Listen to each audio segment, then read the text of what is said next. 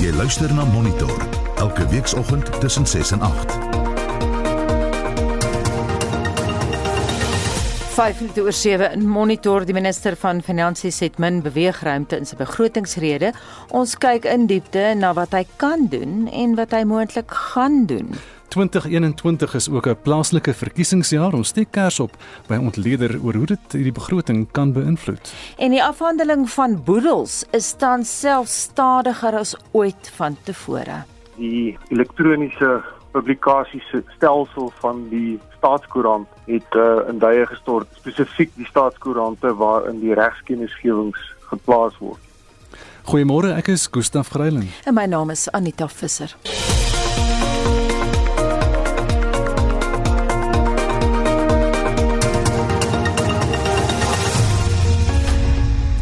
Ons het intussen vir luisteraars die kans gegee om vrae te stel aan ons ontleeders. Estie, watter vrae het hulle?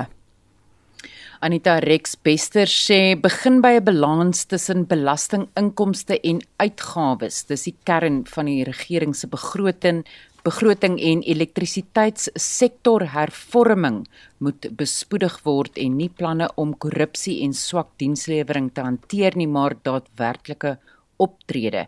Dan sê baie heelwat luisteraars sê ook die minister moet kyk na staatspensioene wat verhoog moet word, veral die SASSA toelaag.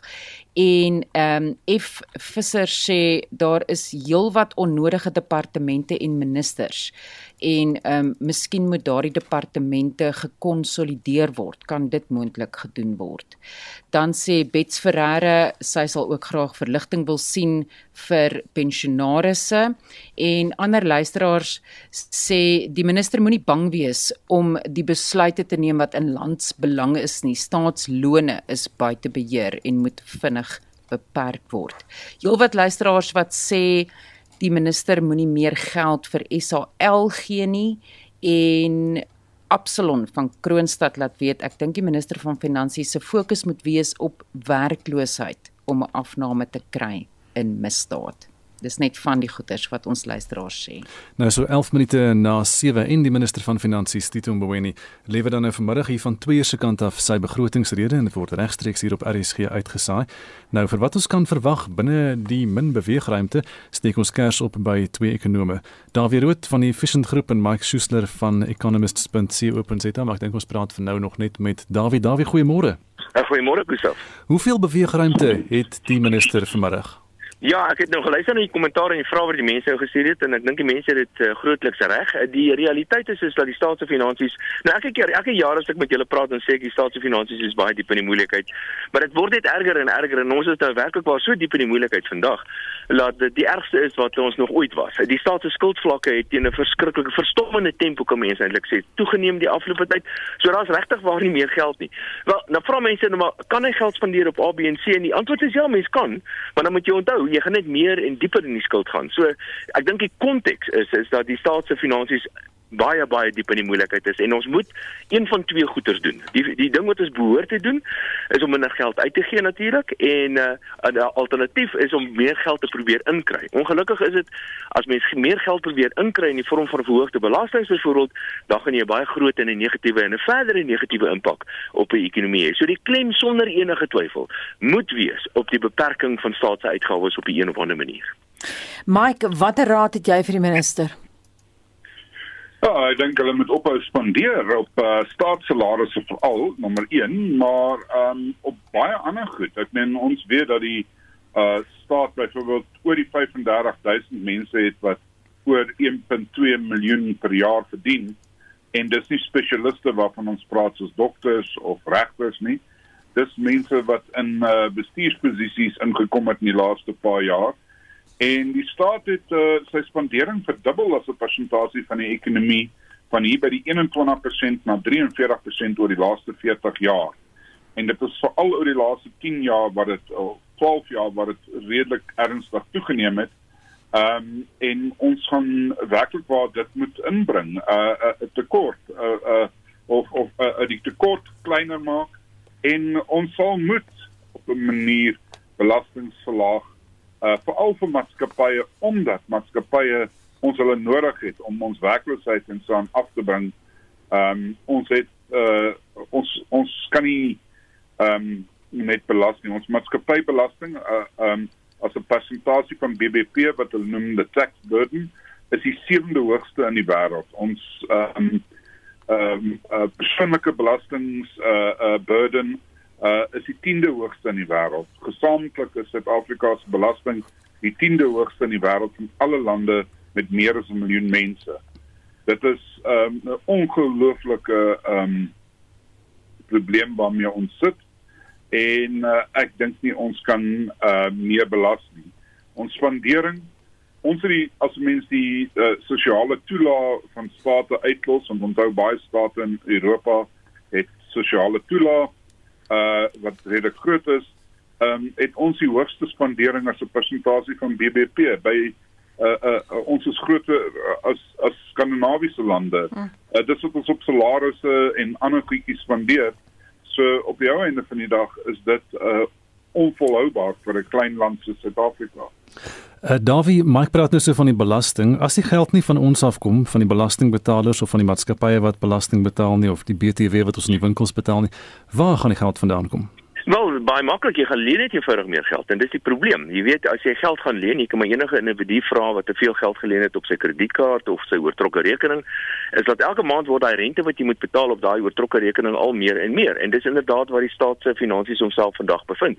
Die rentekomponent van die staat is die is die vinnigste groeiende van die groot uitgawe komponente en soos wat die skuld aanhou toeneem, eh, so gaan die rentekomponent natuurlik al meer en meer toeneem. En hoe meer ons op rente spandeer, hoe minder geld is daar beskikbaar vir ander tipe van goed. En dit staan bekend as 'n sogenaamde fiskale uh, skuldstruk en dis inderdaad waar ons onsself vandag bevind. Dit beteken dis dieselfde soos 'n individu. Dit beteken as jy uit hierdie spiraal uit wil kom, dan moet jy maar vir die res van die familielede vertel, luister, ons moet nou minder geld spandeer op A, B en C. Dit gaan glad nie lekker wees vir 'n volgende klompie jare nie, maar ons het geen abs absoluut geen keuse om dit te doen nie. So dit is ongelukkig waar die geld vandaan kom. Dit word eenvoudig geleen by verskillende bronne, maar van die belangrikste bronne waar dit geleen word is tipies sê nou maar by pensioen pensioenfondse. En pensioenfondse en byvoorbeeld ook die staatsdienspensioenfonds leen 'n hele klompie geld aan die staat. En en uiteindelik gaan daardie leners vir die staat sê, luister, ek glo nie meer jy gaan my skuld kan terugbetaal nie. Ek wil nou hoër rente hiervoor, want ek neem 'n baie groot risiko of uiteindelik gaan die dag aanbreek waar die leners sê, maar ek wil glad nie meer aan jou geld lê nie, want ek glo nie jy gaan vir my kan terugbetaal nie. En dit is inderdaad wat die graderingsagentskappe vir ons sê. Hulle sê die risiko dat die staat uiteindelik nie sy skuld gaan terugbetaal nie, word elke dag al groter en groter. Mike, wil jy daai punt verder voer want soos wat ek nou hier sit voor my rekenaar, ons kry eindelose navrae oor die staatspensioene. Mense is vreeslik bekommerd daaroor. Ja, kyk, ek dink die mense moet onthou die staatspensioene word betaal op hulle salarisse en hulle uh, die mense wat dit kry, ehm um, die staat sal daarvoor opmaak. Die probleem is uh dat daai aktuele tekort wat ons dit noem gaan op jou einde ook aan belastings uh toe uh, uh, uh, uitbetaal moet word op aan lenings soos Dawie sê. Um die die feit van die saak is ek dink um as jy pensionaris is op die um 'n uh, uh, staat uh, se geld is jy in 'n redelik gemaklike posisie maar op die op jou einde moet mens bang die loop mense gevaar waar die staat net nie meer kan betaal nie. Daar is nie belastingbetalers nie. Ehm um, en ek dink daai dag draf redelik vinnig nader. Dis dalk nie in die volgende 2 uh, eh, jaar of so nie, maar ek dink as ons weer ons oor uitvee oor 5 of 6 jaar, ehm um, kan ons in 'n situasie wees waar die staat dan uh, of ekstra moet belas wat nie meer moontlik is nie.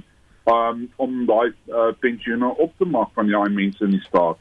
Uh, die ander probleem is natuurlik die die die die die die staat soek ehm um, uh, ook by die ander pensioenfondse geld. Ehm um, Hulle het natuurlik baie meer sê, maar die probleem is die staat maak die reëls. So ons sal moet versigtig wees, maar ek dink mense moet nog steeds spaar vir hulle pensioen. Ons net uh, maniere kry ehm um, en fondsbestuurders kry wat hulle man kan staan. Davie, uh, laas jaar was natuurlik nou die pandemie jaar gewees en Tito Mboweni en Tesourie se span ehm um, uh, moes dit nou maar bestuur soos wat dit ontvou het. Hulle kon nie doen wat hulle wou doen, hulle moet maar doen wat daar voor hulle op die tafel is om te doen. En die geskiedenis sal leer dan nou hoe goed hulle dit nou wel gedoen het. Maar dit lyk tog of die belastinginkomste herstel het en daar is belasting wat inkom. Ons praat gister met die DA en hulle sê daar is genoeg geld in die stelsel. Dit gaan alles oor die, die manier hoe dit bestee word. Ja, dit is wel dis reg en is ook nie reg nie Gustaf en ek hmm. miskien mense dit net in perspektief stel. Onthou nou, die begroting word in Februarie gelewer, soos wat ons nou vandag gaan sien. En dan gewoonlik in Oktober, alhoewel verlede jaar was daar twee keer sulke gevalle gewees, maar gewoonlik in Oktober word die sogenaamde aanvullende begroting, dit sal nog bekend as die mini begroting gegee. Nou dis maar net 'n geleentheid vir die minister van finansies om vir ons die syfers bietjie op te dateer. Eintlik wat saak maak is eintlik maar net die begroting, die Februarie begroting, soos die begroting van vandag. En gewoonlik meet ons die syfers daarteen. So ons sê byvoorbeeld in die huidige finansiële jaar gaan die staat se inkomste so 300 miljard rand minder wees as die aanvanklike begroting van Februarie van verlede jaar. Nou intussen het hy dit aangepas die minister van finansies in in Oktober. Dis sê maar dit gaan nie so erg wees nie of liewer dat die meeste ekonome sê nou dit gaan nie so erg wees nie. Die onderverhandeling gaan miskien minder wees as 300 miljard rand en ek het gister hierdie syfers gegaan. Ek dink baie ontleeders maak 'n baie groot fout. Hier is 'n sekere seisonaliteit in die groot belastings, maar ek geweet waarvan ek praat en dit ja. gaan in terme van wanneer die inkomste ingevorder word. Die groot inkomste word baie keer in Februarie en Maart ingevorder vir die onderskeie belasting. So die punt wat ek wil maak is dat mense dink dat die belastinginvorderings iewes skielik baie beter doen as verwag, maak eintlik 'n baie groot fout want ek dink ons gaan aan die einde van die finansiële jaar, wat die einde van Maart eindig, gaan die staat se inkomste eintlik weer 'n keer onder druk kom om verskeie redes. Maar dit is ook waar wat jy sê Gustaf en dat is intussen in die staat, die staat leen elke dag, leen die staat ongeveer 2000 miljoen rand. 2 miljard rand word elke dag deur die staat geleen en hulle het aangehou om dit te doen. En daai totale bedrag geld wat hulle geleen het, het intussen um, in die staat se rekeninge opgeëindig. So inderdaad sê die, die staat vandag met 'n hele klompie kontant. Maar moenie dit misgis en dink dat die staat het 'n nou eweskielige klomp geld nie, want terselfdertyd is sy skuld ook geweldig toegeneem die laaste klompie jare. Ons het die laaste vraag aan Mike Schuessler. Mike, ons het 'n luisteraar Absalon van Kroonstad Weermans wat sê ek dink die minister se fokus moet wees op werkloosheid. Ek weet jy voel baie sterk daaroor behalwe vir die sny van die skuldklas. Wat is vir jou nog die prioriteite vir die minister? Nou, ons moet werkloosheid aanspreek. Ek het geen twyfel dis ons nommer 1 probleem. Ons het die tipe uh, werkloosheid wat ons gister gesien het, 32 uh, en 'n half persent is werklik waar 'n uh, 'n uh, 'n uh, 'n uh, situasie waar ons uh, depressie tipe werkloosheid het. In Amerika tydens die Groot Depressie het die werkloosheid gestyg tot 25%. Ons is by 32,5%. Ons is lankal verby 25%. So in effek met werkloosheidssyfers is Suid-Afrika in 'n depressie en dit is ons nommer 1 probleem. Maar jy kan dit nie regmaak deur staatsspandering nie. Jy kan dit regmaak deur die staat ehm um, sy deelname aan die ekonomie verminder en dit makliker maak vir die mense wat waarde skep in die private sektor om besigheid te doen, om profite te maak. Ons weet dat uh, as mense uh, meer profite maak, investeer hulle meer. Al investering lei tot werkskepping. Ehm um, dit is die die die feit en dit is amper 'n vloekwoord vir ons regering uh uh uh profit. Maar elke land in die wêreld probeer uh sake na hulle toe lok. Elke land, ons probeer ook. Ons probeer byvoorbeeld motorvervaardigers kry ons hulle redelike subsidies en raai wat en ons laat hulle toe om die geld terug te vat en so aan en ons kry redelik van hulle. Maar dit is nie die beste manier nie want dit is robotte wat jou karre deesdae hou. So op jou einde van die dag, ehm um, moet ons dit eintlik uitbrei na alle plekke toe en moet ons die maatskappybelasting wat nou die sewende hoogste in die wêreld is, uh effektief verlaag. En ek dink dis die probleem die staat moet besluit tussen politiek, met ander woorde die ehm um, SASSA grants en so aan en die ekonomiese realiteit dat dat profite werk skep. En uh hulle gaan altyd deesdae vir die politiek en uh hulle wil hulle stemme werf eerder as wat hulle werk wil skep. Baie dankie Mike en Dawie. Ons gaan hoor of die minister vanmiddag sê wat julle wil hoor. Dawie Rood van die Efficient Groep en Mike Schuessler van die maatskappy economists.co.za. En ons bly by verwagtinge van môre se begrotingsrede en vir 'n politieke siening praat ons nou met Roland Henwood, wetenskaplike verbonde aan die Universiteit van Pretoria. Dis nou politieke wetenskaplike. En daar het ons ligte nou in die ateljee net afgegaan, maar ons gaan voort ons met die onderhoud. As ons gaan gebeur het net. Kan jy ons hoor Roland? Goeiemôre Anita, ek hoor jou duidelik. Ons lees nou uh, met ons selfone se ligte.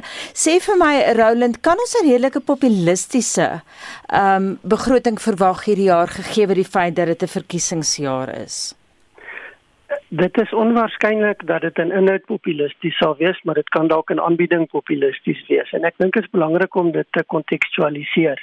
Ehm um, die ekonome sê vir ons voortdurend min beweegruimte die regering het en hoe groot die probleme is. En ek dink dit is die realiteit dat jy kan dalk nou gaan praat oor goed, maar daar's bitter min wat kan gedoen word. En ek dink die voordeel wat ons daar of die voorbeeld daarvan is president Ramaphosa se openingstoespraak by die parlement hierdie jaar, waar hy baie gepraat het oor alles wat reg gekry word en wat gedoen word Maar as 'n mens dit gaan ontleed, dan kom jy agter daar's eintlik bitter bitter min om die lyf. En dis waarskynlik dat ons of dis goed moontlik dat ons dieselfde tipe begrotingstoespraak kan kry. Maar nou is 'n moeilike tyd en is al hoe moeiliker wordende tyd vir die ANC regering in nou met die hele kwessie rondom Jacob Zuma en Ysmagashule en die hofsaake en so aan die debakels. Gaan dit weer speel word op enige manier in die begroting? Mense hoop dit word weerspieël in die sin dat daar 'n beheer gekry word oor hoe geld in die regering gebruik word en en die kritiese element hier is dat mense hoor die hele tyd van die massiewe bedrag geld wat gemors word, wan aangewend word, selfs gesteel word. Ehm um, die die die omvang van korrupsie is alom bekend en daar alhoewel die begroting nie direk daarmee handel nie, behoort daar in die begroting aandag gegee te word aan hoe bestuur ons swak regering? Want want dit is aan die einde van die dag die groot uitdaging. Hoe finansier jy 'n regering wat nie die vermoë het om effektief te funksioneer nie? En daar moet maatreëls wees om dit moontlik te maak. Daar moet instellings wees wat dit moontlik kan maak. Ons het gesien in die afgelope tyd dat daar baie meer geld na die nasionale vervolgingsgesag gekanaliseer word. Daar's nog nie veel resultate daarvan nie maar dit is die tipe goed wat moet gebeur anders gaan hierdie pro probleem groter word en net eenvoudig die hele Suid-Afrika onderploeg. As jy pas by ons aangesluit het, jy luister na Monitor en ons praat vanoggend met Roland Henwood. Hy's 'n politieke wetenskaplike verbonde aan die Universiteit van Pretoria. Roland, net om jou nou aan te haal, jy het pas gesê mense sien nou massiewe bedrae word eenvoudig gemors. En dan sien ons ook Jacob Zuma wat sê ek sal nie verskyn voor Zondo nie. Jy sien nou 'n soort van houding. Jy sien mense sien dit raak. Mense bespreek dit om die braaivleisvure. Dink jy ons gaan toenemend weerstand van Jan en San publiek kry? Dit is moontlik. Ek dink mense sien alreeds baie hoë vlakke van weerstand. Ek dink die die die kwalifisering daarvan is belangrik en dit is verbalisering van ontevredenheid. Met ander woorde mense praat hier oor ehm um, daar is 'n klein groepie mense wat aktief handel. Daar's 'n al hoe meer aanduidings dat 'n groot deel van Suid-Afrika se mees welvarende mense dood eenvoudig hulle bates verskuif, selfs die land verlaat en dit het natuurlik 'n baie groot impak op die moontlikhede en die vermoëns van 'n regering om sy begroting te finansier. Dit het 'n baie groot invloed op die implementering, die uitvoering van beleidsbesluite. As jy 'n uh, eh, ekonomie in vandag se kompeterende wêreld wil groei en wil beter maak, dan het jy hierdie kundigheid en vermoë nodig. En daar's groot kompetisie in die wêreld tussen alle lande om dit te kry. En Suid-Afrika op die stadium doen baie sleg in terme van die skep van 'n omgewing waar hierdie tipe mense eerder hier sal bly en eerder hiernatoe sal kom om dinge te doen. So dit is die vermoë van 'n regering wat onderliggend is aan die bereiking van hierdie suksesse en ons vaar nie goed daarin nie. Ons het nou gehoor Dawie hulle sê dat weet nie aan die inkomste kant kan nie nie veel doen dis of belastings of as lenings wat hulle moet kry om die geld in te kry. Maar die uitgawe kant is die plek waar daar beheer moet word in die, in die besteding van die geld. En Mike het aan die einde gesê dit gaan nou veral deesdae in verkiesingsjare al hoe meer oor die politieke kwessies. Die SASSA geld die, die toela en al die salarisse polisiemanne onderwysers en so aan. Hoe moeilik is hierdie balanseertoertjie vir Tito Mboweni vir die langtermyn vir die land self Maar vir Suid-Afrika is dit uiters moeilik want die, ons daar's een realiteit en dit is dat die mense wat die belasting betaal grootliks is tot 'n baie groot mate nie die mense wat vir die ANC gaan stem in 'n verkiesing nie. Diegene wat die mees afhanklik is van die ANC en die grootste druk op die ANC plaas ook sy koalisie vennote, sy alliansie vennote soos Kossatu is die mense wat die minste belasting bydra maak as 'n totaliteit van Suid-Afrika. En en dit bring baie duidelik die probleem na vore en dit is wat is die regering se prioriteite? Hoe versoen hy hierdie druk van letterlik van binne die ANC met die realiteite van 'n ekonomiese struktuur wat drasties hervorm moet word, maar waar jy nie die vermoë het en nie noodwendig meer kan staatmaak op die goedgesindheid van die mense wat nodig is om dit moontlik te maak nie. So dis 'n geweldige groot politieke uitdaging waarmee die regering sit. Die regering sit met 'n legitimiteitskrisis. Daar's bitter min vertroue selfs binne die ANC in die vermoë van die regering om hierdie goed te kan doen, want die geskiedenis is nie baie positief nie. Ons sien jaar na jaar die verslae van die ouditeur-generaal. Ons sien die probleme wat uitspeel dag na dag. En dit lyk nie asof daar 'n vermoë of wil in baie opsigte is om beheer hieroor te kry nie.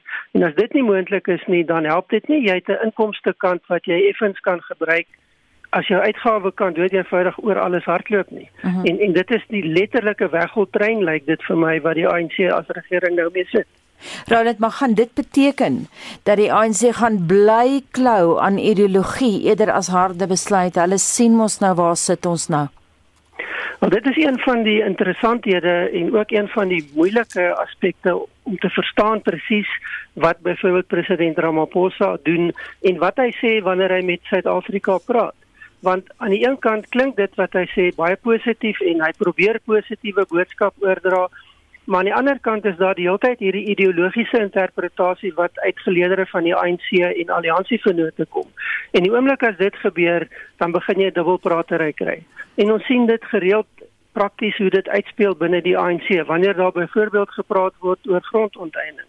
Wanneer daar gepraat word oor die die kwessie van herstrukturering van die ekonomie, dan het jy hierdie dubbelpratery en dis nie altyd duidelik presies wie besluit waar en watter kant toe die besluite gaan nie. Ehm um, en en dan moet 'n mens beklemtoon dit help nie om daarna te kyk in 'n jaar tot jaar of selfs korter horison nie. Jy moet dienaar begin kyk in 'n langer termyn horison. En die oomblik as jy dit begin doen, dan lyk die prentjie van die regering en die beoordeling van die regering se prestasie net al hoe meer negatief. Roland baie dankie. Ons sien uit om te hoor wat die minister dan vanmiddag gaan sê. Roland Henwood is van die Universiteit van Pretoria en die begrotingsrede word vanmiddag van 2 uur af regstreeks hier op RSG uitgesaai. Jy luister na Monitor elke weekoggend tussen 6 en 8.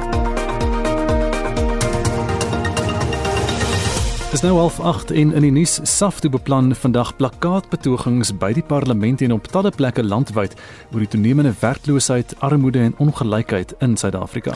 En net hierna in monitor twee komitees van die Amerikaanse Senaat ondersoek die bestorming van Capitol Hill in Washington op 6 Januarie. En die afhandeling van boedel se stand selfs stadiger as ooit vantevore bly ingeskakel. Is dit wat ons luisteraars na daardie gesprekke met ons ontleeders? Anita, kom ons luister gou na wat van ons luisteraars sê. Die minister kan begin om gestand te doen aan hulle beloftes deur korrupsie, bedrog, wanbestuur ensovoorts uit te roei en die reeds gesteelde biljoene terug te verhaal. Indien hulle dit kan doen of regkry, kan hulle wet verlaag, belasting verlaag en selfs die brandstofprys. Die som en logika is voor die hand liggend. Die minister het wel 'n probleem vanmiddag, maar my probleem is die jong mense wat so geboorte skenk. As dit nou alles vir geld, kry jy nou 'n kind om uit die staat het voordeel te trek. Hoekom gaan werk jy nie? Dan is dit mos makliker vir jou. En is makliker vir ons land om te floreer. Weet hulle het probleme. Al ons entities in die land het probleme. Maar as ons nou nog geld uit die regering uitbuit, waar gaan ons aan die einde van die dag opeindig? Ek dink net dit sal baie help as hulle al die korrupsie onmiddellik stop, die mense in die tronk sit en die geld terugvorder. Dan kan hulle vir die armste van die armste mense sorg van wie al die geld so gesteel is in hierdie land. Dis al wat ek dink wat 'n oplossing kan wees. En Ansela Gransie sê werkskepping en opleiding, die werkloosheidssyfers sal halveer as daar iets daadwerklik deur die regering in medewerking met die privaat sektor gedoen word. En as ons ophou invoer van China af en alles in Suid-Afrika vervaardig. Laat weet vir ons wat jou verwagtinge is van die minister van Finansies Tito Mboweni se begrotingstoespraak vanmiddag om 2 uur. Stuur vir ons 'n SMS na 45889 teen R1.50 per SMS. Gesels saam op ons Facebookblad by facebook.com vorentoe skynstreep ZARSG of WhatsApp vir ons stemnota na 076 536 69 61. Dis nou 25 minute voor 8 en tyd vir wêreldnuus gebeure. Nou twee komitees van die Amerikaanse Senaat ondersoek die bestorming van die Amerikaanse Kongresgebou op Capitol Hill in Washington op die 6de Januarie verjaar. Die ondersteuners van oud-president Donald Trump en vier mense is dood tydens hierdie voorval, maar Lenay Forsie is by ons vir vandag se wêreldnuus. Goeiemôre. Môre Gustaf, die voormalige hoof van polisie by die Kongresgebou, Steven Sand, wys die vinger na die intelligensiediens. Hy sê hy het voorberei op 'n betoging en nie 'n militêre aanval nie. No entity, including the FBI, provided any new intelligence regarding January 6th. It should be no also noted that the Secretary of Homeland Security did not issue an elevated or imminent alert in reference to the events at the United States Capitol on January 6th. We properly planned for a mass demonstration with possible violence. What we got was a military style coordinated assault on my officers and a violent takeover of the Capitol building. Nou Paul Irving, die voormalige amptswag, het egter as volg gereageer. We did discuss whether the intelligence warranted having troops at the Capitol. That was the issue, and the collective judgment at that time was no.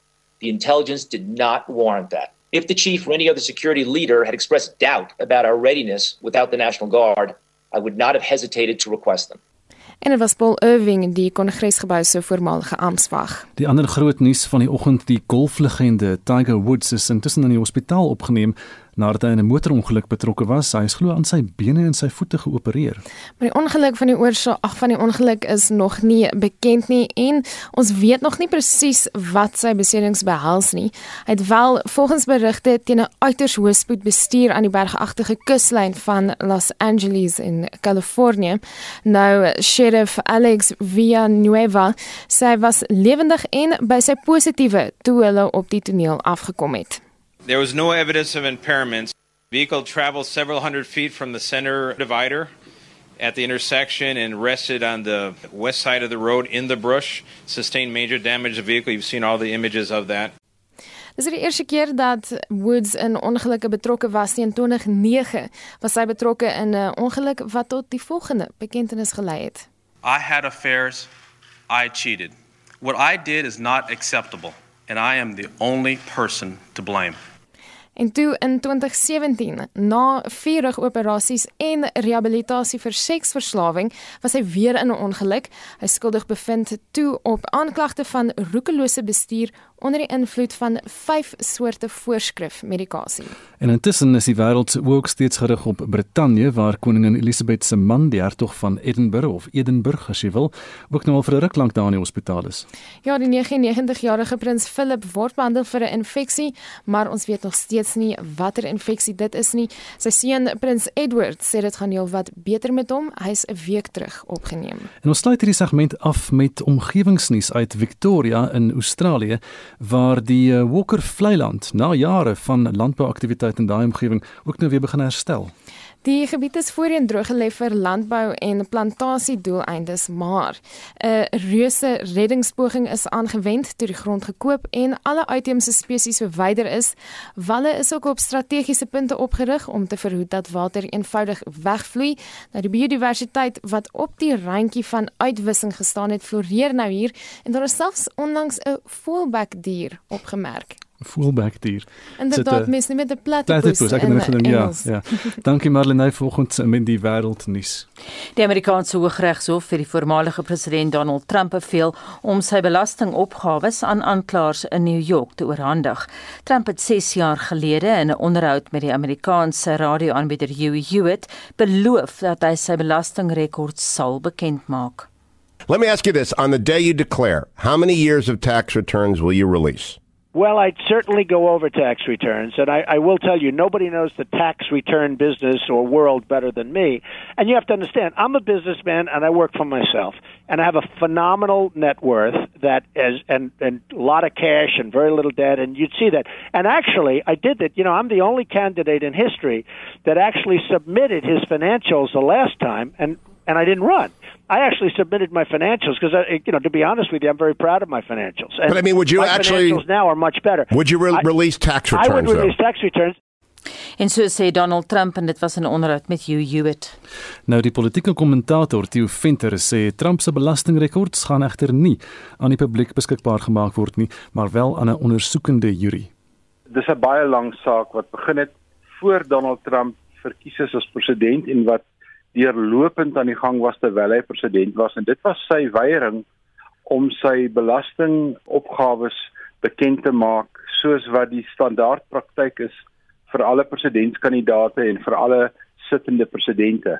Hy het sekere voorregte opgeëis en gevoel dat dit privaat is en dat hy dit nie wil deel nie. Toe daar druk op hom gekom het, het hy op 'n stadium gesê dat hy eintlik in 'n deurlopende audit proses is en terwyl hy geaudit word, kan daar geen finale state gelewer word aan die openbare of aan die publiek nie en so het hy vir 4 jaar lank en terwyl hy president was, daarin geslaag om sy belastingopgawes vertroulik te hou indien sy die inligting nou bekend gemaak word, watse gevolge kan dit vir hom aanhou? Kyk, die versoek om dit nou bekend te maak is nie 'n versoek dat dit openbaar gemaak word in die volle sin van die woord nie. Dit sal openbaar gemaak word aan 'n ondersoekende jury.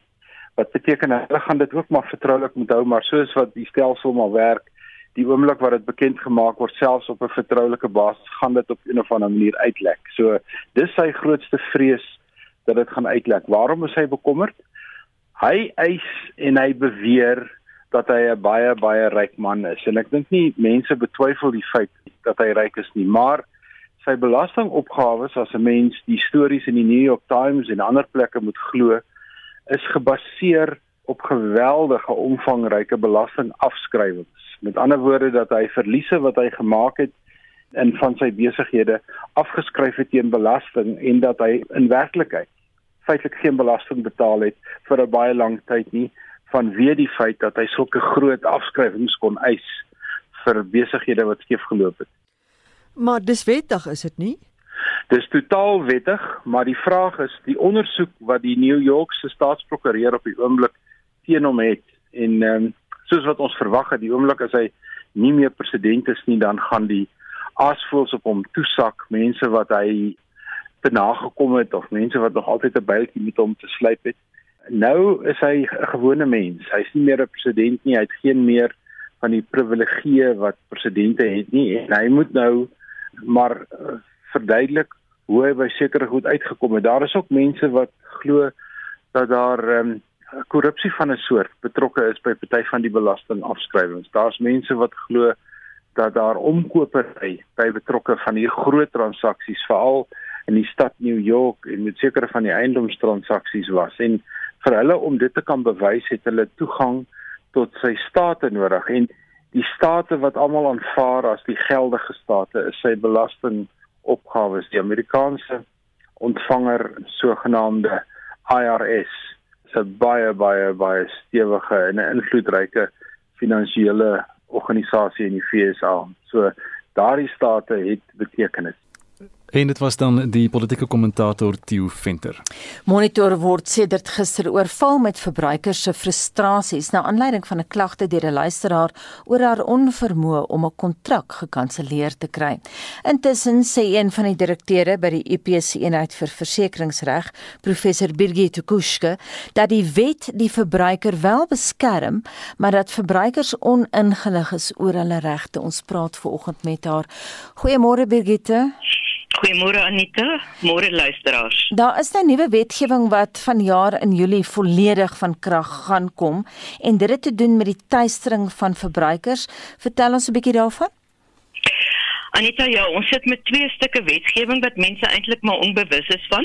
In die eerste plek die Wet op Verbruikersbeskerming wat vanaf 2011 van toepassing is en wat hierdie pesoproepe en die tuistering waar dit inbreuk maak op die regte van ons privaatheid. Dit is ons ons grondwetlike reg op privaatheid. En die Wet op Verbruikersbeskerming in artikel 11 en artikel 12 vergee ons verbruikers beskermingsmaatreëls vir hierdie tipe van direkte bemarking. Dan die ander wet wat van toepassing is nou, is die POPIA wet, ons noem hom POPIA for Protection of Personal Information Act. So spraak van POPIA en in artikel 69 van die wet hanteer hulle ook direkte bemarking en bring verbruikersbeskermingsmaatreëls in plek daarvoor. Nou in terme van die wet op verbruikersbeskerming is 'n verbruiker geregtig om te weier om enige direkte bemarking te aanvaar. Hy mag die bemarker versoek om die kontak te beëindig en hy mag hom voorkomend ook blok. Dit noem ons die opt-out stelsel. Artikel 12 skryf dan spesifieke tye en dae voor waar u gekontak kan word. Dan mag byvoorbeeld geen direkte bemarking op Sondae of openbare vakansiedae plaasvind nie. Ook nie Saterdae voor 9 en na 1uur nie.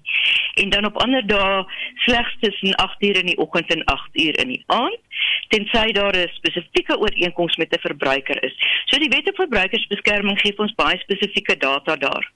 Die nuwe wet Popea wat nou in werking getree het op 1 Julie 2020 en volledig in werking gaan wees hierdie jaar Julie verbied enige vorm van elektroniese kommunikasie uh, spesifiek ook outomatiese oproepmasjiene jy weet jy het nog skaars kans gehad om te groet en jou naam te sê, dan is daar een of ander stemmetjie op op 'n bandmasjien wat met jou praat en dan smit jy die foon neer en in gebruik onwelvoeglike taal omdat jy nou gekontak is deur een of ander um, outomatiese stelsel wat jy geen verweer teen het nie fakse, SMS'e en e-posse, dit mag glad nie aan verbruikers gestuur word tensy 'n persoon toestem om dit te ontvang. Mhm. Waar jy waar jy egter 'n bestaande kliënt is uh van 'n produk, dan mag jy so gekontak word tensy jy sogenaamd opt-out.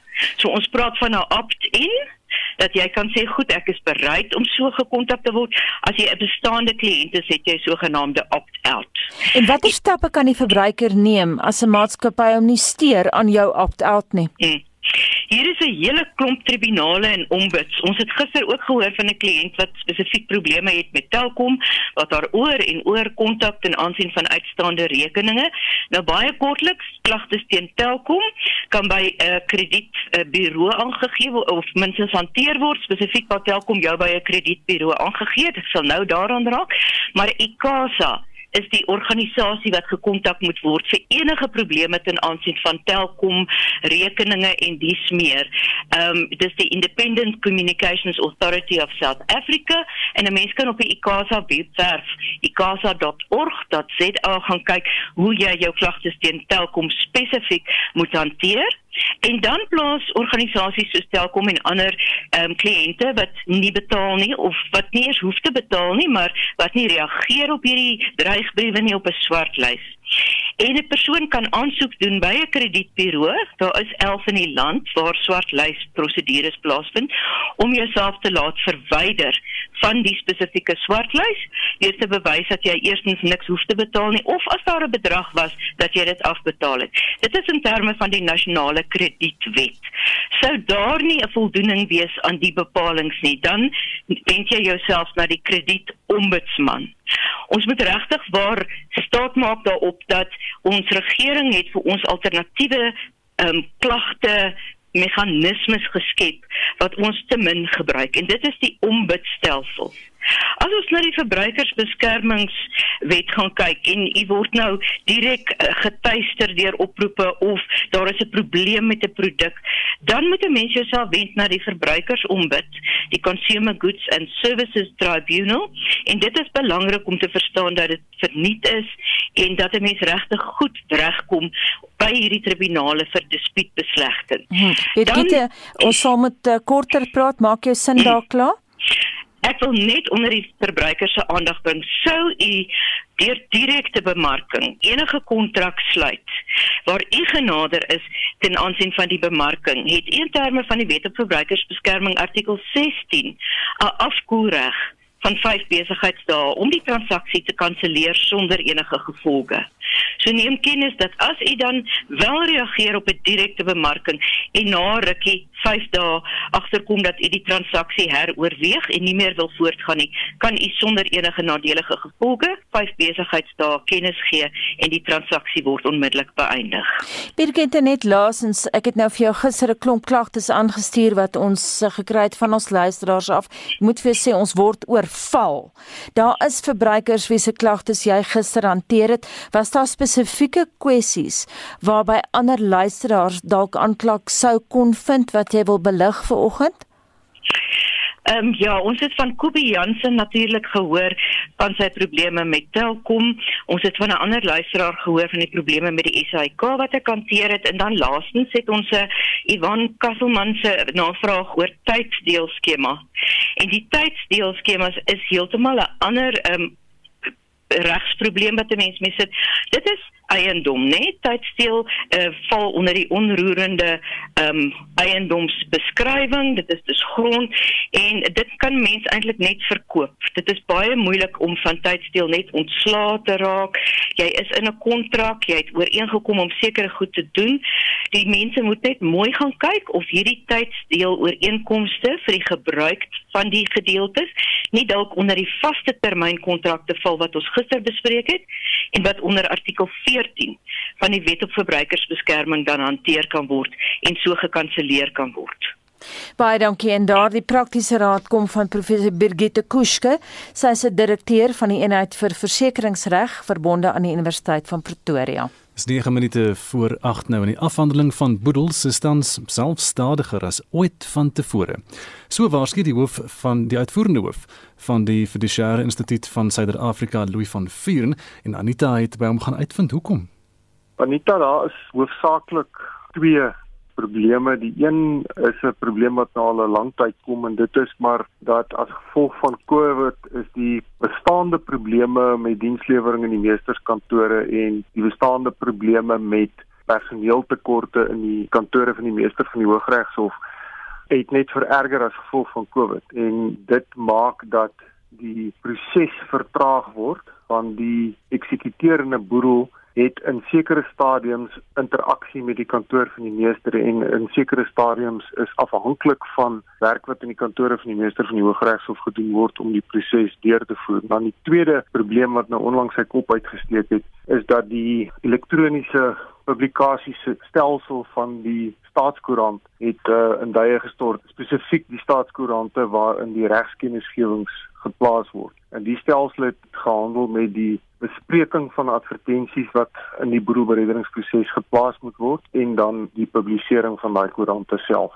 Watter raad het jy vir luisteraars? Eerstens kry 'n professionele eksekuteur sorg dat jou sake in orde is in enige gegee stadium. Nie een van ons weet wanneer ons gaan doodgaan nie. Hoe meer in orde jou finansiële sake en jou eiendomsdokumentasie ensovoorts in orde is, hoe vinniger kan die proses van boedelberedering plaasvind. In terme van boedels, Louis, waaroor kla mense die meeste? Wat skep vir hulle probleme? Ek dink die meeste klagtes gaan maar oor die vertragings, oor dit so lank vat om 'n boedel te beredder. Nou 'n boedel kan die kortste denkbare tyd waarin 'n boedel afgehandel kan word as jy aan al die statutêre periodes voldoen, is absolute absolute minimum 5 maande maar dit kan baie maklik meer as 2 jaar wees. Die oomblik as daar iets soos 'n kontanttekort in 'n boedel ontstaan waar daar nie genoeg kontant is om die laste te betaal nie of om die kostes te betaal of belastings te betaal nie, dan word dit gewoonlik 'n uitgerekte proses. Daar is ook as daar dokumente weg is, daar is partykeer boedels waarin 'n uh, eiendom wat geërf is na 'n vorige sterfte nog nie eens oorgedra is nie. Allerhande sulke praktiese dinge wat maklik kan maak dat 'n broer meer as 2 jaar kan neem om af te handel en dan is die diensvlakke in die kantore van die meester van die Hooggeregshof is onder druk as gevolg van personeeltekorte, uh, vakatures wat nie gevul is nie ensovoorts. Is ons boedelwetgewing te streng? Sou ons dinge makliker kon maak vir die verbruiker of vir die persoon wat nou iemand verloor het of afgestaan het aan die dood? Ek dink so. Byvoorbeeld in Brittanje is daar 'n stelsel wat as die Engelse woord probate bekend staan waar as jy 'n testament hou waarin jy as eksekuteur aangestel word as 'n professionele persoon dat jy by die hof wat in Engeland genoem word 'n grant of probate ontvang en dan is dit heeltemal in die professionele persoon se hande om af te handel en op die ouens net die finale dokumente te reaseer. Aan die ander kant is daar die argument dat die verbruiker beskerm moet word, dat die burger van die land beskerm moet word. As ons 'n beter balans kan kry tussen die regulerende rol wat die meester van die Hooggeregshof speel en wil amper sê die vryheid van die professioneel om sy werk te doen, van die professionele eksekuteur om sy werk te doen, dan kan ons waarskynlik die proses aansienlik verkort. Ons het nou verwys in die inleiding na die Fiduciêre Instituut van Suider-Afrika. Daar's bitter min mense wat weet wat presies dit beteken en wat julle doen. Geef ons daai inligting. Die Fiduciêre Instituut of sommer FISA FISA is 'n vrywillige organisasie, vrywillige vereniging wat die oogmerk het om die trustbedryf te professionaliseer. So ons het lede wat uit die trustmaatskappy werknemer korps uitkom en ons het lede wat prokureurs is, wat rekenmeesters is, finansiële beplanners. So dis 'n vrywillige vereniging, nou dis nie verplig om daaraan te behoort nie, maar ons probeer om met selfregulering beter standaarde in die bedryf ingestel te kry. Ons het ook 'n uh, professionele status wat ons toeken fiduciêre praktisyn Suid-Afrika en dit is persone wat 'n uh, diploma, 'n uh, gevorderde diploma in boedel en trust administrasie by Vryheid Universiteit geslaag het en dan ook sekere aan sekere etiese praktykstandaarde voldoen wat dan kan aansoek doen by die FISA Raad en dan word die status aan hulle toegeken. As daar klagtes sou wees teen enige van julle lede, waarheen sou die publiek kon gaan? Ons webwerf uh, www.fisa.net.za. Daar is 'n klagtefasiliteit op die tuisblad van die webwerf. Persoon kan net daarop klik en word dan deurgesit na 'n uh, invul 'n aanlyn invullys waar die besonderhede van die klagtes ingevul kan word. En die diving kom van Louis van Vuren, hy is uitvoerende hoof van die Fiduciare Instituut van Suider-Afrika. Kom ons luister wat van ons luisteraars in ons stemnotas sê. My naam is Ismail Babardien. Asseblief, asseblief kan iemand net vir my verduidelik hoe kom ons by verandering van liggawes en plekke se name terwyl die land in so 'n krisis gedompel is met 'n pandemie en finansiële skuldlas? Wat gaan dit die land nog verder kos? Asseblief, kan die mense nie hulle gesonde verstand gebruik nie om nou name te gaan verander van plekke en liggawens. My verstand is te klein om dit te kan verstaan. Ek stel voor dat die minister, die kabinetslede en parlementslede se salaris met 80% verminder en hulle byvoordele afskaf. Dan moet ook alle munisipale raadslede ontslaan, as ook die burgemeesters Die dorpsbestuurder of die stadsbestuurder kan die werk van die burgemeester doen en die ander mense die gewone werk want raadslede doen absoluut niks vir 'n groot salaris met baie voordele. Janie van die kerk. 'n Luisteraar skryf op ons SMS-lyn, hy wil graag weet hoeveel begroot word vir korrupsie en Faitjie de Blank skryf ek wil weet hoe die minister van finansies die groei in die land wil stimuleer terwyl Eskom 'n 15% tariefverhoging moet kry ek nou meer as R700 per maand ekstra belasting moet betaal omdat ek nie my motortoelaag kan gebruik nie en ons het dus minder en minder koopkrag en kosinflasie is nie regtig 4% nie.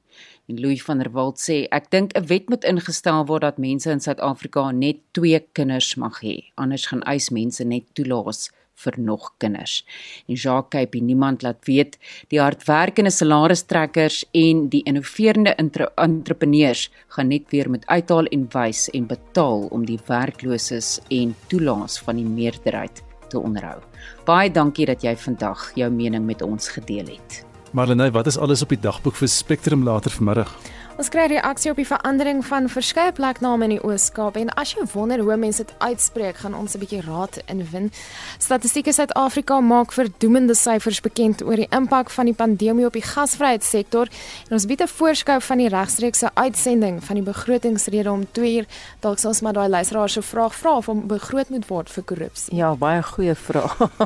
ons moet groet namens ons waarnemende uitvoerende regisseur, dit is nou Wessel Pretorius, die man in die warm stoel vir vanoggend was Justin Kennedy, ons produksieregisseur Lewona Bekes. My naam is Anita Visser. Monitor is môreoggend om 6uur terug. Ek is Gustaf Vreiling en Renske Jacobs is reg met die 8uur nuus.